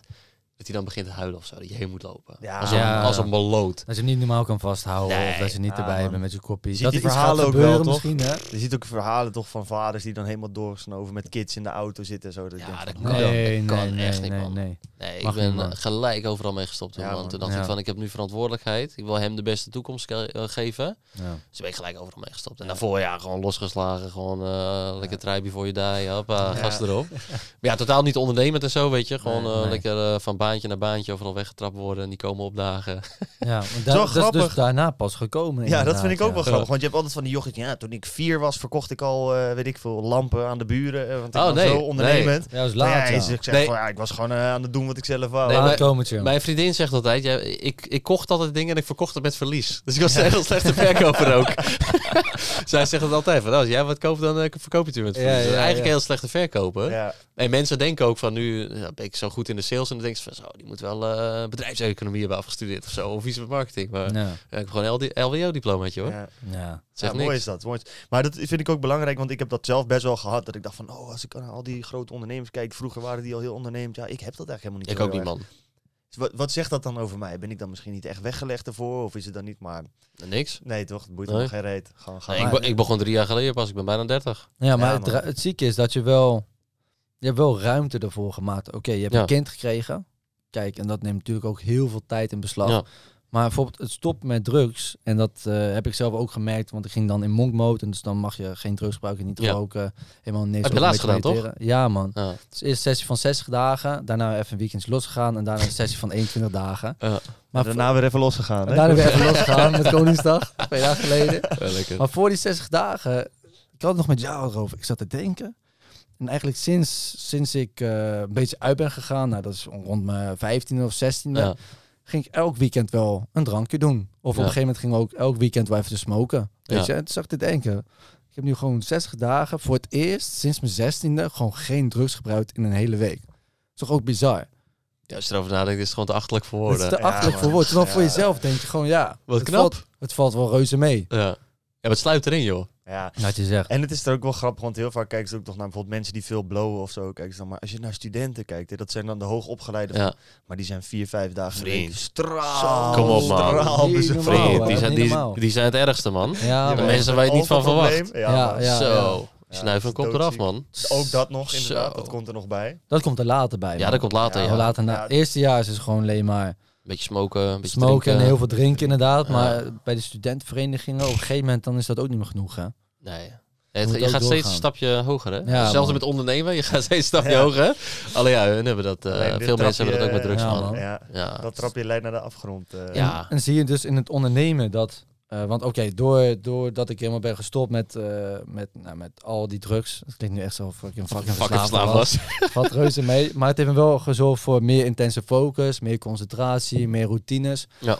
Eh, merk jij dat in jouw netwerk, want jij bent nu ook helemaal gestopt, maar in jouw netwerk van ondernemers, dat zij ook amper of niet drinken of andere drugs gebruiken? Of valt dat er nog reuze mee? Nee, bijna niemand waar ik mee omga die gebruikt of drinkt, man. Nee, ook ik- drinken. Nee, maar ik heb zelf ook nooit gewoon... Ik drink misschien één keer per jaar of zo. ja. Twee keer per jaar. Misschien op vakantie of zo. Ik heb ook nooit de behoefte van... Even Pak een zuipen, biertje of zo. eh, Weet je wel? En ik ga eigenlijk met allemaal ondernemers om die dat ook niet hebben. Kijk, stel, we zitten bij elkaar in een groepje, wordt er een flesje Moet opengemaakt met een paar fruitjes erin. Ja, dan is het één, twee glazen en dan is het klaar. Want Ja. ik, ik word, ja, als ik ga suipen, ik word moe, man. ik, ik, ik word echt zo'n saaie lul, weet je wel. De meeste, Ja. of, of, je, of ik word vervelend, of ik word moe. Ja. Nee, En ik- ik, jou, ik ook. Ja, maar ik kan ook niet tegen mensen. Ja. Dat, kijk, ik, ik ben altijd nuchter gewoon. ja. Ja, een tijdje geleden niet, maar nu ben ik altijd nuchter. Maar ik kan het dan ook niet tegen als ik ergens kom en mensen aan lam. Gaan ze Ja, tegen je praten, gaan ze zes keer hetzelfde vertellen. En ik gozer, rot op Ga je man. Rot op man, alsjeblieft. En ik ben zo weer weg dan. Ja. Ik kan daar niet tegen, man. En ik dat vond het juist heel erg interessant dat je dan dat je op een feest bent en dan ben je zelf helemaal nuchter. Drink je een colaatje of zo. En dan mensen die gaan eerst drinken en daarna gaan ze aan de zooi of zo. En dan denk je wel van, het is wel heel erg apart om hier gewoon nuchter te zitten en Ja. iedereen helemaal voor pampers Nou, te zien gaan. ja, ik kan- ik, ik ga me irriteren, man. Dan. Ja. Oh ja, ik kan sta niet te winnen. ik, ik ga wel rond Ik 12 sta- uur in ben ik wel loes. Ja, dat snap Ja, ik. dat ook. Ja. Maar ik sta te winnen. Ik denk, oh, ik ga toch morgenochtend fris opstaan. Ja. Ik word toch lekker fris wakker. Jullie gaan toch allemaal zo kut de ochtend in. Ja. Ja, ik merk het wel. Het is bijna, zeg maar, net zoals je mensen hebt die gewoon heel veel drinken en dat een hele gewoonte is. Gewoon ook dat vroeg opstaan, meditatie, gezond eten. Ja. Lekker, een soort man. van in die vibe zit. Ja, maar het is gewoon lekker. De natural high die je daar bij wijze van spreken van haalt, Ja. is, kan je gewoon echt niet aan tippen. Ik heb het er nu met Koen ook altijd over. Het is een stukje, het is bijna een soort van stukje investering. Van oké, ik ga naar een feestje toe, kan ik vijf biertjes drinken. En dan heb ik zeg maar 70% van de lol die ik daar kan hebben. Ja. Neem ik 20 biertjes, zit ik misschien op 80, 90%. En doe ik er nog wat bij, dan zit ik op 100% van het plezier. Ja, Maar voor die vijf biertjes, dan ben ik de dag daarna productief. op 90%. Ja. Maar voor die 20% extra lol die ik heb door die 20 biertjes, betaal ik zeg maar het 150% extra de dag daarna. Ja. Nou, en dat is steeds hoger. Dus ik kijk steeds meer dat ik nadenk van ja, het is, het is het ook bijna niet meer waard. Het is gewoon winnen. Als je Ja, het niet Ja, doet. man. Ja, maar ja, ik ben En- gewoon echt blij maar als ik het niet niet heb. mensen, want ze denken misschien nu van dat het helemaal verkeerd is om te feesten. Dat is absoluut Nee, niet zo. zeker Maar niet.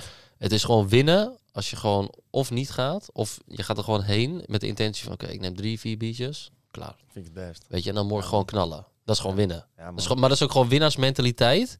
Dat je daar gewoon kan staan en je daaraan kan houden dan, hè? Ja, man. Ja. Want je hebt dan altijd vrienden die zeggen, "Hey, ja, nou, kom op man, hey, ik had het gewoon overmorgen man. Maar het is wel sterk als je dan gewoon zegt van nee, nee. Ja, dit lukt me ook niet altijd. Ja. hoor. Nee, Zeker niet. Bij mij niet. is het Mm. zeker. Het zit hem bij mij gewoon in. Ik heb altijd de beste intenties tot een biertje of acht. Ja. En dan, eh, Ja, dan is het klaar. Ja. Maar dan denk je ook van ik heb er nou toch wel acht op. Ja, dat Ja, precies. maar dan dan denk je, boeit ja, het het ook is nu toch alweer... eh, Precies. Maar bij mij heeft monk mode dus wel geholpen. Ook gewoon met mensen in je omgeving. En zeggen van, oh zit in monk mode, hè? Zeggen ja. Zo weten ze al van, oké, hij gaat niet tappen. Ja. Het is ook niet van, ze gaan ze kunnen zeggen, hey, misschien één of twee. Nee, het mag gewoon helemaal Ja, niet. ja. Maar had je, had je ook een Nokia toen, een monk mode? Eh, nee, want ja, ik had mijn telefoon nodig voor, eh, Oké. voor werk en voor DM. Ja. En voor Zie je ook vaak hè, met eh, mensen met monk mode. Dan pak ze ook gewoon een oude. Nokia. Luister, als, als ik niks met, geen social media nodig had, dan had ik mijn telefoon echt in de prullenbak gegooid. dan. Ja. Ja, Ja. beter. Ja, Want, ik, eh, die TikTok of eh, Instagram, ja, dat, dat hoeft Ja, niet per se van mij. Hey, je ook- ziet toch ook wel eens die programma's van Tibor? Jullie kennen Tibor Ja, wel, zeker. We hebben hem op de Er is ook podcast, een podcast eh, geweest. Ah, Zeker, maar, gewoon zijn programma, daar zou ik zo graag een keertje mee willen doen. Ja.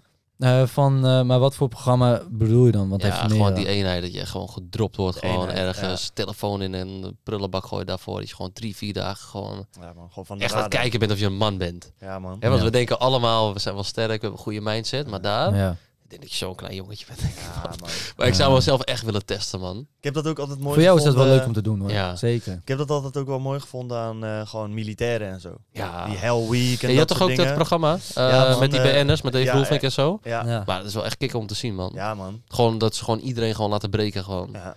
Dat is gewoon echt kicken, man. Ik denk dat het voor jezelf echt heel goed is als je een keer zoiets hebt gedaan, man. Ja, ik denk man. dat eh, Tibor, ja, als hij het zou willen, als hij het nog wat groter maakt inderdaad, dat hij op een gegeven moment ook gewoon een televisieprogramma van Ja, kan maken. Alleen dan voor ondernemers, weet je wel. Ja. Ja. Maar je mensen aan zich, bro. Je moet jezelf gewoon in, in het duisterste van het duister tegenkomen. Ja, En man. in de spiegel aan kunnen kijken en kunnen zeggen, oké, blijkbaar is dit, hier is de Ja. lijn. En Ja. vaak is die een stuk verder dan mensen denken. Ja. Maar het is ook heel goed, ook in dat boek wat ik nu aan het lezen ben, dat The Way of the Superior Man, daar zegt ze ook, het is super belangrijk om juist te weten waar die grens ligt. Ja. En je moet allemaal mensen om je heen hebben die jou continu naar die grens toetrekken. Ja. Maar het is ook heel belangrijk om gewoon te weten van, oké, blijkbaar is dit voor dit onderwerp voor mij de grens. Ja. Oké, dan kan ik tot daar gaan. Weet jij wat jouw grens is? Want ik weet dat bijvoorbeeld echt niet. Ik ook niet. Ik ook we zijn dit aan het pushen, maar eh, Ik heb geen idee. Dat zeg, ik heb ook wedstrijden gevochten kickboksen. ja. Ja, dat is ook wel een grens voor veel mensen, weet je. Ja. ja. En ik durfde ook niet. Ik was ook bang in de kleedkamer. Dat ik dacht van, oh, die andere jongen gaat me ook slaan, weet je wel. En eh ja, dan zei mijn trainer ook van, eh, hij is net zo bang als jou, hoor. ja, Toen dacht ik, oh ja, fuck man. Daarom. Ja, Snap ik je? Dan gaat die knop wel om. Maar dat is ook weer een grens dat je denkt van, zal ik wedstrijden gaan doen of niet? Ja. Dan sta je daar in je kleedkamer, kan nog terug. Ja. Ja. Nou, ik moet. Ja, maar ik kan, ja, snap je? Dus, Je, moet, je kan niet terug. dus al, ik, ik zoek wel altijd mijn grens op, zeg Ja. maar. Ja. Dus maar ik zou me gewoon niet weten wat mijn grens is, man. Ja, ik heb het trouwens wel wat meer. Ik heb, ik heb wel eens last van paniekaanvallen gehad. Oh, ik ook. Dat is wel echt de fantastische manier om mijn lichaam. Dat ze gewoon zeggen: Oké, Ja. hier is de streep. Ja. Dat is wel, denk ik, van alles wat ik zou kunnen benoemen aan hoe weet je waar je grens is. Dat dat gewoon. Ik weet als ik te weinig slaap, te veel koffie drink, continu alleen maar het uitstellen mezelf. Ja, dan krijg ik op een gegeven moment paniekaanval. Ja. Dan weet ik gewoon: Oké, ik moet nu vaker meditatie doen, minder koffie drinken, zorgen dat mijn slaap goed is. Want als ik dat niet doe, dan kan ik niet presteren op het niveau waarop Ja. ik wil presteren. Zeg maar. Dus op die manier heb ik wel best wel mijn grenzen ontdekt in bepaalde Ja. onderwerpen. Ja, maar dat is wel een goede grens ook, man. Ja, toch? Ja. Ja, heel veel mensen zijn ook heel soort van. eh je hebt best wel wat mensen die lijden onder hun paniekaanvallen.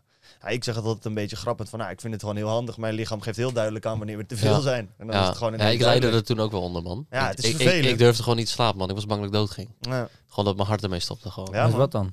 Gewoon. dat, Paniekaanval. is, Dat is gewoon een gewoon in je paniekaanval. hoofd. Ja, in één keer denk ja. je gewoon van, ja, maar als ik nu mijn ogen dicht doe, ga ik dood. Ja. Nou, dan Ja. krijg je hartkloppingen, je maakt jezelf helemaal gek. Ja, man. En dan ging ik op een gegeven moment op de bank leggen, want dan durfde ik niet meer in bed te slapen, hè. En Ja. dan dacht ik gewoon dat de mensen op mijn balkon stonden. Dan denk ik, Ja. oh, die gaan me doodschieten of die gaan me doodmaken. Je bent Ja. gewoon oh, op straat loop je, ga je om je heen kijken, achterom zo van, komt er niemand die me gaat pakken of zo. Ja, Het man. slaat Ja. heel- Ja, ja, ja. Het is op niks gebaseerd, Nee, maar het is gewoon een paniekaanval. Ja, een soort van zo. pure survival modus. Ja. ja, dat is ook echt. gewoon dat je gewoon denkt van, ja, iemand kan mij elk moment gaan liquideren. Ja, man. Ja, ja, en het kan ook. Het Dat kan denk ook, je gewoon, hè? Het kan ook zo komen. Ik heb ook Ja. wel eens- ik heb met jou toen een keer gehad. Toen zei ik toch ook van, oh shit, ik voel het nu opkomen. Dan gaat gewoon ineens, tafel. ineens je hart. Ja, maar doordat je hart Alles zo gaat, ga je denken van, ik ga dood. Dan Ja, wordt het nog erger. Je gaat Ja. kort Mijn ademen. vriendin heb toen een keer de ambulance moeten bellen, man. Ja, man. Ik dacht echt dat ik een hartaanval kreeg, man. En toen hoorde ik eh, die ambulance eh, ding zeggen tegen haar van... eh, heeft hij ook hartkloppingen? Nou, bam, dan ging hij nog harder. Weet je wel. Ik dacht, oh, kut, ik ga echt dood. Ja, man. Je Weet gaat je? ook alles Nee, dat is vastpakken heftig, als bewijs. Ja. van, zie je, zie je? Ja, Hoor je wat hij zegt? Ik ga sowieso de pijp uit. ja, nee, maar Ja, ze- ik- dat is heftig hoor, als je dat gaat hebben. Ja, Ja, man. ja, ja. ik heb Ja. het dus met psychoses. Mijn maatje van mij heeft ooit een psychose gehad. En ik was toen ook. Ik heb toen met blowen de eerste keer. Was, ik was er heilig van overtuigd dat ik een psychose had. Ja. Er was niks aan de hand. maar ik was volledig over de zijk. Ja. En toen op een gegeven moment ook met mijn vriendin de dokter gebeld. Die zei die vrouw ook. Ja, maar jochie, je hebt toch gebloot? Ik zei, ja. Ja, dan ga je bed. Je bent stoned. Bro, ik heb dit ook een keer gehad. ik heb dit ook een keer gehad. Maar, eh, oké, jullie, eh, ken je nog die party sticks? Dat waren die wat grotere, toch? Ja? Die, die 30 centimeter. Die 30 eh, centimeter ja, dingen. ja. Ja. Ik zat ergens op een pleintje. Mijn vriendin zei van, ik ben zo terug. Ik ga even dat halen. Ik denk, nee, mijn pa is iets toch. Dus ik rook dat hele ding op. Nee, Ja, eens. ja, weet je. Ook hartklopping. Ik had precies hetzelfde als Ja, jou. man. Zij de ambulance bellen, ook. Eh, en die zei ook van, ja, maar wat heeft meneer gedaan dan? Ja, gebloot. Geef meneer eens aan de telefoon. dus ik, ik, ik zeg, oh, mevrouw, mevrouw, en eh, ik ga dood. En eh zei ze, maar je je zegt net dat je gebloot hebt, toch? Ja, ja, hoeveel heb je op? Ik zeg, gewoon één stikkie zo. Ga maar een chocolaatje halen, jongen. Ja, Ja, ja. Toen ging mijn vriendin naar de vaderhuis, die haalde een chocolaatje weg. Ja, man. Ja, mooi is dat, hè? Ja, man. Ja, dat is ongelooflijk. die reacties is mooi. Maar ja, ze hebben waarschijnlijk letterlijk elke dag mensen aan de telefoon die denken Tuurlijk, dat de wereld voorbij gaat omdat ze te veel Ja. gebloot hebben. Ja. Ja, maar je maakt jezelf helemaal gek in je hoofd, Ja. man. En ze doen het denk ik Ja. ook expres. Want juist dat is een soort van koude emmer met water over je heen. Van, oh shit, ik ben inderdaad eigenlijk En wat ben suikers, zwaar aan man. het trippen, man. Ja. Ik moet even relax doen. Ik ben gewoon een maloot. Ja, man. Ja, man. Ja. Ja. man. Ja, ik heb dus... eh, kijk, jullie hebben heel erg dan met jullie paniekaanvallen misschien dat het een grens is. Ik merk gewoon wanneer ik bijvoorbeeld echt slecht leef, dat ik dan eh, last krijg van eh eczeem, man. Oh. Dus eh, dan krijg ik gewoon op mijn vingers en op mijn handen krijg ik gewoon eczeem. En dan weet ik gewoon van oké, of eh, ik rookte toen zeg maar voor de 60 dagen rookte gewoon elk weekend. Nou, Ja. ben ik toen mee gestopt. Toen ging mijn eczeem ook bijvoorbeeld veel beter, ging het bijna helemaal weg. Ehm, als ik te weinig slaap, krijg ik ook eczeem. Ja. Als ik bijvoorbeeld heel erg ongezond eet, dus heel veel vet, heel veel suikers, krijg ik daar meer last van en zo. Dus dan merk ik gewoon aan mezelf, oké, ik moet meer sporten, meer slapen, eh gezonde eten, niet roken. En dan merk ik gewoon, oké, dan ben ik gewoon fitter, man. Maar dat is wel een mooie eigenschap van jouw lichaam dan, toch? ja, is Ja, raar, Dus stimuleert je Ja, eigenlijk gewoon man. gezond te leven. Ja, Ja, man. dat Ja, is ik heb ook normaal ook last van hooikoorts en al die shit. Dus waarschijnlijk komt dat daar weer ergens vandaan. Dat is wel mooi, man, Ja, voor je man. lichaam. Dus dat is wel fijn. Maar, Ja. ging bijvoorbeeld, ik ben pas verhuisd. Kom je in aanraking met verf of met schoonmaakspullen. Moet nu ook weer alles gaan schoonmaken en shit. Bro, dan krijg ik ook weer last van eczeem, man. Ja, dat is Het echt voor alles, man. Het is echt Ja, koud. dat ik heb dat echt nog nooit gehad. man. Ik heb het één keer gehad. En dan zaten mijn vingers zaten helemaal onder. Ja. Het kwam ook uit het niks gewoon, hè. Salfjes gehad van de dokter. En zei maar, gewoon s'nachts wakker. ik zei altijd als een junkie, krabben. Gewoon, ik ben Ja, s'nachts gewoon wakker van het krabben, man. Ja, ja, ja. Tot bloeden aan toe. Ja, gehad, salfjes gehad. Niet, weg. ik heb het een jaar gehad. Een of andere dag was weg. Waar het aan gelegen heb, ik heb geen idee. Ja, dat is echt lijp. Het was in één keer was het weg. Heel ziek. Ja. Ook gewoon mijn hele vingers onder en zo. Van die vieze bultjes met vocht eruit en zo. Ja, bro, dat, Ja. oh, dat heb ik ook gehad. Ja, Ja, man. ik ben op een gegeven moment gewoon gestopt met krabben inderdaad. Het ziet Maar- er ook naar uit, man. Ik zag jou dan ook wel eens inderdaad. Dat, Ja, je wordt zag gek. ik gewoon van... je, wordt je gewoon moet krabben. ervan. Ja, man. Je moet krabben. Ja. Dat moet gewoon. Maar vroeger was het erger, man. Ja. Toen zaten mijn vingers helemaal onder me. Ja, Maar dan ben ik wel benieuwd bijvoorbeeld bij jou. Van oké, wat heb je dan anders gedaan? Snap je? ja. Gewoon van de een op de andere dag. Ja, heb, je dat, eh, heb je dat een soort van bijgehouden? Is er iets waarvoor je denkt van ja, ik ben ergens mee gestopt of gedaan, waardoor die eczeem ineens verdwenen? Nee. Gewoon random. Nee, geen Nee. idee, man. Sommige mensen Ja, zeggen ook dat het mentaal ding kan zijn. Hè? Ja, dat zou ik ook kunnen denken, hoor. Want ik zat eerst ook te denken van, leg dat misschien op mijn voeding. Ja. Nou, dan ging ik beter op mijn Voeding letten. ja. Dan bleef het gewoon. Ja. Toen dacht ik, nou, misschien echt aan de slaap of zo. En toen dacht ik nog een tijdje, het ligt aan mijn kickboxhandschoenen. Heb ik zelfs nieuwe handschoenen gehaald.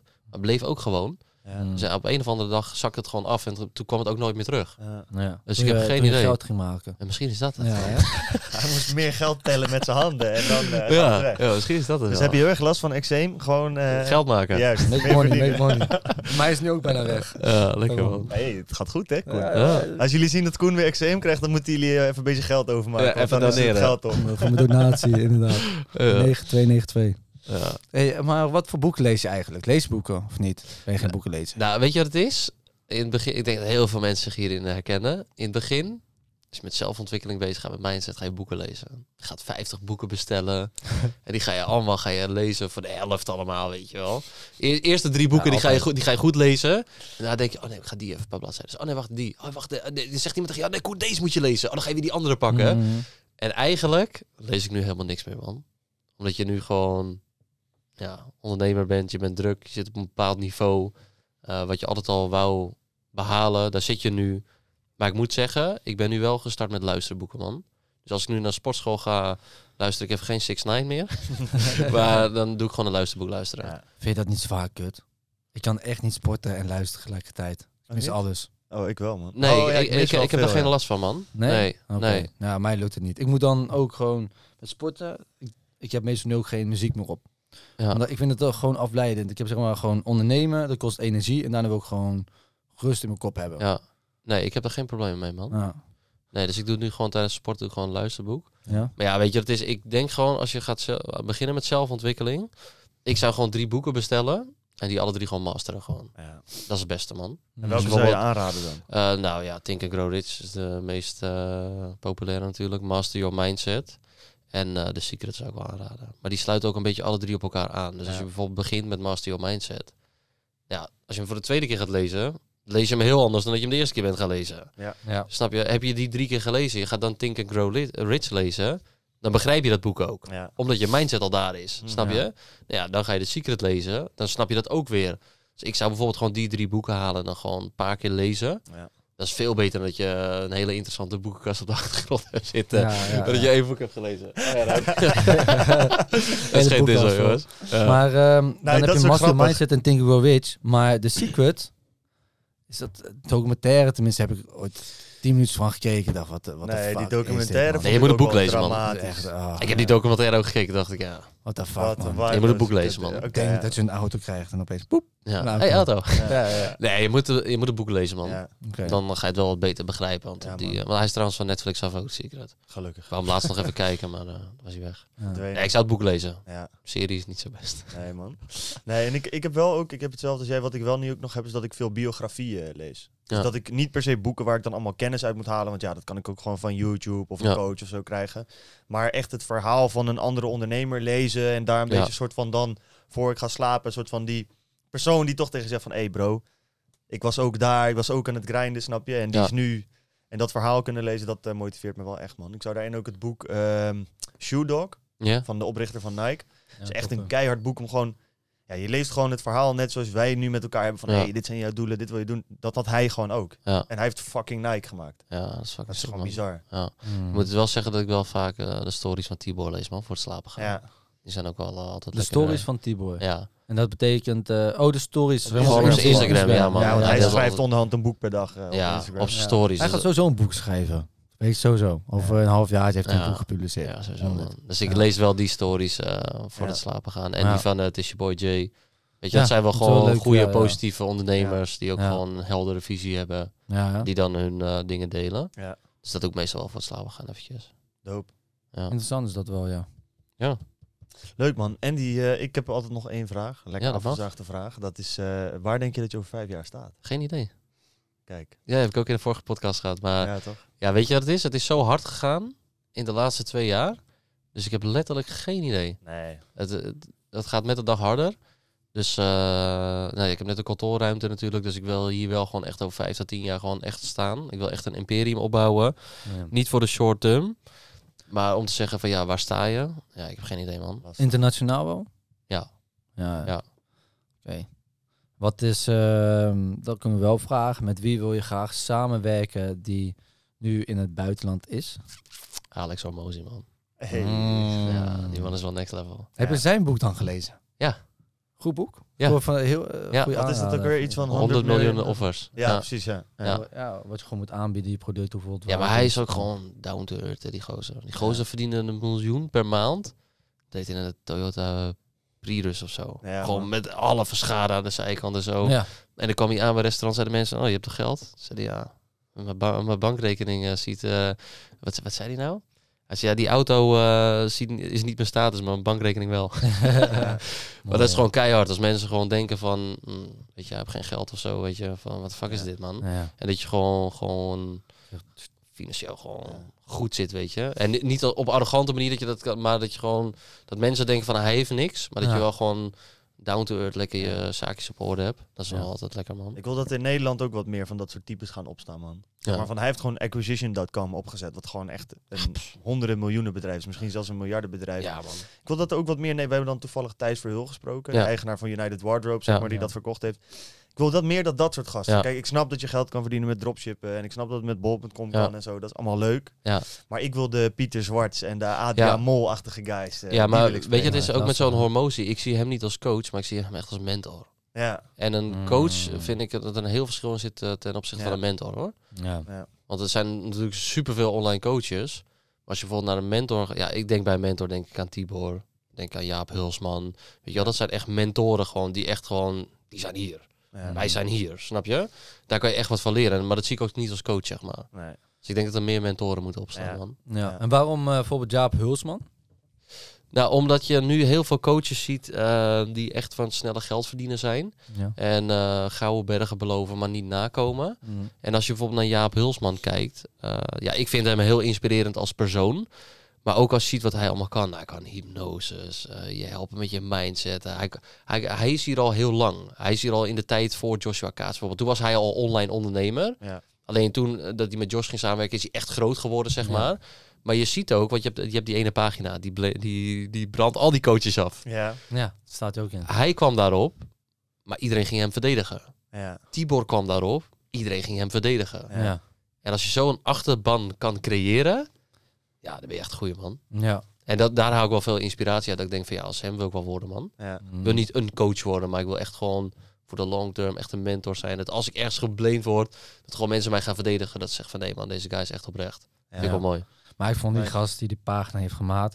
Oké, hij had wel een paar leuke stukjes erin staan, inderdaad, van bepaalde mensen. Ja. Op een gegeven moment zet hij stukjes erop en denk van ja, je zet nu gewoon tekst erop van mensen best wel goede shit zeggen. Ja, En in plaats je gewoon zeg je van ja, dit is poep. ja, Ja, maar hetzelfde. Als je Tibor op zo'n pagina gaat plaatsen in Jaap Hulsman, dan ben je niet goed in je hoofd. Ja, ik had dat Snap ook met je? iemand op werk. Die ging helemaal stuk om een video. Ik zeg, ja, kijk, ik snap...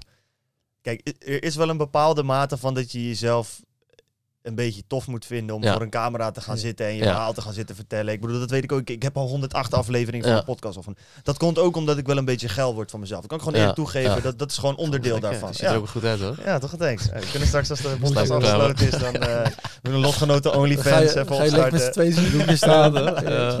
Nee, maar er zit wel een bepaalde mate van, ja, je moet toch wel die, je zoekt de aandacht wel op Ja. op een bepaalde manier. Maar toen, eh, dat was een video van Jarouan over van, hij zei van, ja, eigenlijk werk ik het liefst in het weekend ook door. Mhm. Want als ik eenmaal in die flow zit, ja, als ik dan het weekend meepak, dan blijf je in die flow. En dat Ja. heb ik ook vaak genoeg gemerkt. Ja. Dan zit je gewoon in een soort van focus die gewoon Ja. super waardevol is. Maar iemand liet dat zien aan mij op werk. En die zei van, ja, kijk wat deze guy zegt. Ik zeg, Ja. ja, ik voel die shit wel eigenlijk, man. Ik ben het daar wel mee eens. Ja, maar dat komt omdat wij gewoon ondernemers zijn. Ja, maar het is dan mooi snappen we dat. Precies, maar andere mensen kijken naar van, oh. Ja, die gaan helemaal stuk. Ik wou dit Oh, voor de grap laten zien en nu ga je de serieus op in. Wat ben je voor rare Die gaan helemaal stuk, weet je. Ja. Maar kijk, ze hebben ook wel coaches erop Ja, ook hele opgezet. rare, rare types tussen. Met dat zweverige zo, dat ik echt dacht van, oeh, Zo. dit is wel heftig hoor. Ja, man. Ja, man. ja, Ik geloof aan de law of attraction of zo, maar dit was wel heel vaag. Ja, Ja, dat- man. Sommige mensen gaan wel echt niks. Ja, alsnog spirituele Vind ik altijd gewoon, laat iedereen lekker in zijn waarde, man. Maar dat, dat Ja. vind ik belangrijk, want iedereen moet natuurlijk bijvoorbeeld eh, ook video's oefenen. En dat heb ik in het hele begin ook gehad. Dan zet je zelf erop. Je bent al onzeker. Ja. Je bent niet goed om tegen, tegen een camera te spreken en dan Ja. ja. maak je foutjes en zo. Nou, prima. En dan gaan mensen je ook komt- nog eens afzeiken. Komt er nog zo'n malote die Oh, zo'n pagina gaat starten. Je bent nog net je Ja. business, met Ja. je business bezig en, en je coach zegt, ze, zet me een paar video's online. en dan sta je met je kopie Op zo'n de pagina, ja. nee, maar toch. ik heb ten alle tijde respect voor die mensen, man. Ja, en sommige waren wel een beetje vage verhalen, maar alsnog tuurlijk. heb ik gewoon respect dat ze gewoon zichzelf blootgeven. Weet Ja, je? precies. Mhm. Maar kijk, Want als je het niet eh, vertrouwt, dan ga je er ook geen traject van afnemen Nee. of zo. Nee, 100%. Prima. Als ik een story zie en ik denk van, nou, wat is dit voor gek? Ja, wel respect, maar ja, eh, weet je, ik ga niet eh, met hem in zee Ja, of zo. Daarom, skip. Ja. Kijk, ik zit aan twee kanten ook inderdaad. Aan de ene kant vind ik, ja, je moet gewoon, iedereen moet zijn ding kunnen doen. Aan de Ja. andere kant, het kan wel stuk gaan om sommige mensen. Tuurlijk, het tuurlijk. En ik vind ook, weet je, dat is een stuk, ik zet mijn bak- bakkers ook op het internet.